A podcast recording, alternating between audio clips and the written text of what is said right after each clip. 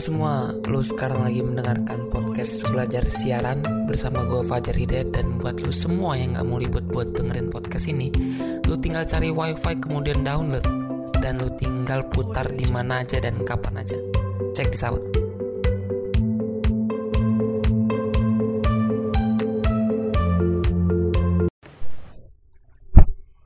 Berita kali ini tentang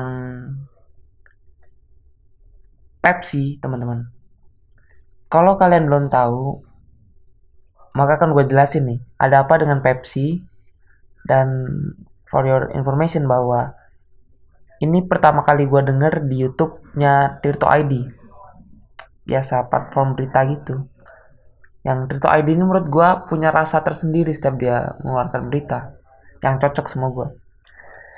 Nah, beritanya ini berawal dari tidak ditemukannya Pepsi di rak minuman bersoda, baik itu di Alfamart, Indomart, bahkan KFC sekalipun. Sehingga membuat minuman yang menggunakan Pepsi diganti dengan minuman keluaran Coca-Cola Company. Jadi gini, kayak Leci Float itu kan menggunakan Pepsi. Jadi Leci Float di beberapa tempat mengganti Pepsi dengan Sprite dan menurut definisi kenapa Pepsi tidak ada di Indomart atau minimarket yang lain karena jika sebuah barang ada di rak minimarket itu berkaitan dengan buffer stock. Nah, jika stok barang tersebut udah nggak ada, artinya habis stok, maka kebijakan minimarket tersebut untuk mengisi raknya dengan barang-barang yang mendapatkan nilai jual. Dan kalian juga harus tahu produsen resmi Pepsi itu siapa ya? Produsen resmi Pepsi itu ya PT Indofood sebagai pengemas dan penyuplai Pepsi. Dan kalau kalian sekarang pergi dan menemukan Pepsi, maka itu bisa dipastiin bahwa minuman itu stok terakhir stok terakhir karena mungkin di sekitar kalian orang-orang yang minum Pepsi jarang sehingga stoknya masih ada sampai sekarang. Dan jika kalian masih menemukan Pepsi, maka dapat disimpulkan bahwa Produk itu bukan lagi produk keluaran dari PT Indofood sebagai produsennya di Indonesia, melainkan sudah minuman impor yang merupakan produk luar negeri. Dan setelah diterus telusuri mengapa Pepsi berhenti melakukan investasinya di Indonesia, ternyata ada kaitannya dengan industri kelapa sawit yang bernama PT Lonsum Ilonsum itu sebenarnya ada kepanjangannya kawan ada. Cuman ribet kepanjangan itu. Jadi gua ay sudahlah males gua ngapal ngapalinnya yang Lonsum ini merupakan anak usaha dari Indo Agri ya Indo Agri yang terafiliasi dengan PT Indofood. Yang menyuplai nah. Jadi coba kita ulang lagi ya. Jadi ada perusahaan sawit namanya Lonsum. Ini adalah anak usaha dari Indo Agri dan kebetulan terafiliasi oleh PT Indofood yang juga menyuplai kebutuhan minyak kelapa sawit ke Pepsi Company. Dan pemutusan kerjasama ini berawal dari ke, berawal dari kalau nggak salah R ya RSPO itu menyatakan bahwa Lonsum diduga telah melakukan 23 pelanggaran baik itu pelanggaran kesehatan pekerja, pekerja di bawah umur, keselamatan bekerja, diskriminasi gender, dan masih banyak lagi. Bagi yang nggak tahu RSPO itu apa, RSPO itu instansi yang mengawasi industri kelapa sawit. Itu kayak kayak MUI loh, dia ngeluarin label halal itu keluar MUI. Dan Indo Agri TBK tidak puas dong dengan apa pernyataan yang dikeluarkan oleh RSPO terkait 23 pelanggaran tersebut. Sehingga PT Indo Agri ingin menarik PT Lonsum dari RSPO. Dan ternyata berita ingin menariknya Indo Agri eh Lonsum yang merupakan anak usaha Indo Agri dari RSPO terdengar oleh Pepsi Company yang membuat Pepsi Company merasa kecewa. Ya, sehingga ia memutuskan untuk tidak lagi mengambil minyak kelapa sawit dari Indo Agri. Dan ternyata hal itu pun berdampak pada kerjasama kedua pihak, kedua belah pihak di industri minuman bersoda. Ini berita ini gue kutip dari Tirto ID yang gue pertama kali ngeliat berita itu di Tirto ID di YouTube. Dan tanggapan gue tentang kasus ini, hengkangnya Pepsi ini membuat Coca-Cola Company semakin merajai industri minuman bersoda di Indonesia. Coba kita ulang ya.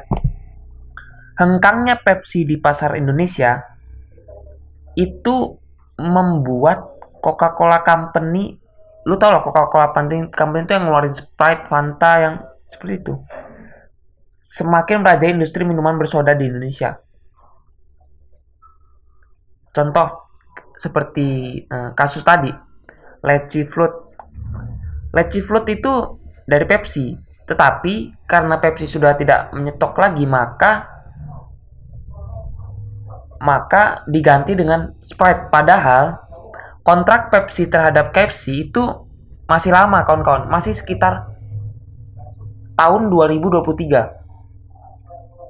Setelah gue telusurin lagi kan ternyata nggak ada kelanjutan berita karena terlihat agak aneh kalau Pepsi mundur dari pasar Indonesia padahal padahal kontraknya dengan KFC 2023. Nah, kalau dilihat dari definisi KBBI tentang apa itu monopoli, gue mendapatkan bahwa monopoli itu situasi di mana pengadaan barang dagangan tertentu sekurang-kurangnya sepertiga dikuasai oleh seorang satu kelompok sehingga seorang atau pun satu kelompok sehingga harganya itu dapat dikendalikan. Kalau dari kacamata gue ya gue lihat yang kuat mungkin PT Coca-Cola Company-nya dengan Sprite-nya dan Coca-Cola Coca-Cola tentunya dan Fanta-nya itu hanya bisa disaingi dengan Pepsi. Menurut gua sehingga mundurnya Pepsi membuat semakin kuatnya PT Coca-Cola Company dalam produk minuman bersoda. Ini menurut gua gawat ya. Kalau Coca-Cola Company memang benar-benar menguasai pangsa minuman bersoda di, di Indonesia, ini membuat Coca-Cola Company dapat mengatur harga yang terbaik menurut mereka berdasarkan untuk mengambil untung yang sebesar-besarnya. Jadi menurut gue agak gawat ya karena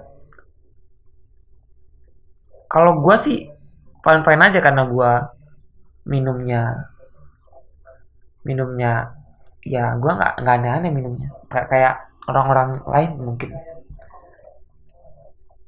Karena coba lu pikirin deh Coca-Cola Pepsi ya mungkin yang terkuat kedua itu. Nggak mungkin adem sari cingku dimasukin walaupun dia bersoda ya. Walaupun dia bersoda. Adem sari cingku ada aja. Tetap menurut gue tetap pasti akan kuat. Kalau company sih nggak mungkin. Yang gue takutkan adalah dia monopoli pasar minuman soda di Indonesia. Ya kalau ada satu perusahaan luar negeri yang sudah menghentikan investasinya maka ya kerugian untuk Indonesia berita ini emang aneh. Sebenarnya berita ini agak janggal karena itu tadi dia masih punya apa kontrak dengan KFC tapi gue yakin ini ada kelanjutannya deh. Pokoknya tunggu aja kelanjutannya kalau ada kelanjutan pasti gue bahas. Kalau ada kelanjutan pasti gue bahas. Dan kalau lu orang lihat apa nama podcast gue ini bukan cerah podcast lagi karena nama cerah podcast itu dulu gue buat karena gue mau cerita-cerita tentang sejarah. Yang sekarang nggak gue ceritain nggak lebih ke arah. Ya yang penting karena gue akuin ya riset tentang sejarah agak jauh karena kalau gue selip sedikit ya gue udah ngerubah sejarah. Walaupun sejarah sekarang udah banyak berubah seperti pernyataan kalau lu, lu lu lihat YouTube macan idealis itu ada Babe Saidi yang mengatakan bahwa kerajaan Sriwijaya itu nggak ada. Menurut menurut Babe Ridwan Saidi kebetulan dia budayawan dan sejarawan. Itu menurut gua the best yang seingat gua dia sejarawan sejarawan yang menurut gua ma yang masih referensi gua mungkin sedikit tapi menurut gua dia yang terbaik di Indonesia. Karena dia telah mengeluarkan statement itu dan ternyata direspon dong sama pemerintah Palembang apa pemerintah Sumatera Selatan. Tetapi mereka nggak ada bukti yang kuat. Bukti yang kuat masih dipegang sama Babel Ridwan Saidi dengan bahwa Sriwijaya itu bukan kerajaan pokoknya panjang umur aja buat beberapa Ridwan Saidi siapa tahu gue kapan-kapan mau ketemu kan gue mau cerita-cerita banyak tentang sejarah sama dia. Itu satu kenapa gue bukan namanya cara podcast karena gue ya susah sejarah bro. Dan gue ke, ganti ke belajar siaran. Kalau lu dengerin sampai habis podcast gue yang episode 2 tentang hmm, kenapa gue mulai podcast ini adalah untuk upgrade diri supaya gue bisa ngomong mudah apa gue terlatih untuk berbicara dan tentunya gue pengen siaran yeah. gue pengen nyoba siaran di radio sumpah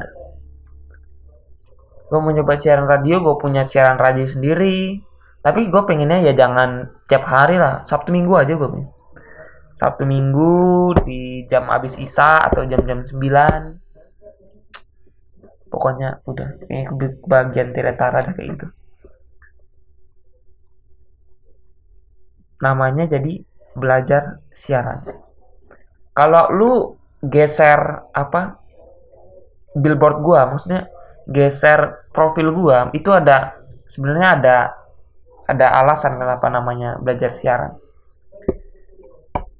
Nah, mungkin ini aja. Sampai sini aja podcast belajar siaran. Kembali lagi besok dengan berita yang hangat. Iya, berita yang hangat. Pokoknya besok gue cari berita-berita yang gak ada di TV dah. Pokoknya. Yang out of the box. Tentunya dengan sumber yang terpercaya dong. Sekian dari gue Fajar Hidayat dan selamat ya semoga ketemu lain waktu. Bye bye.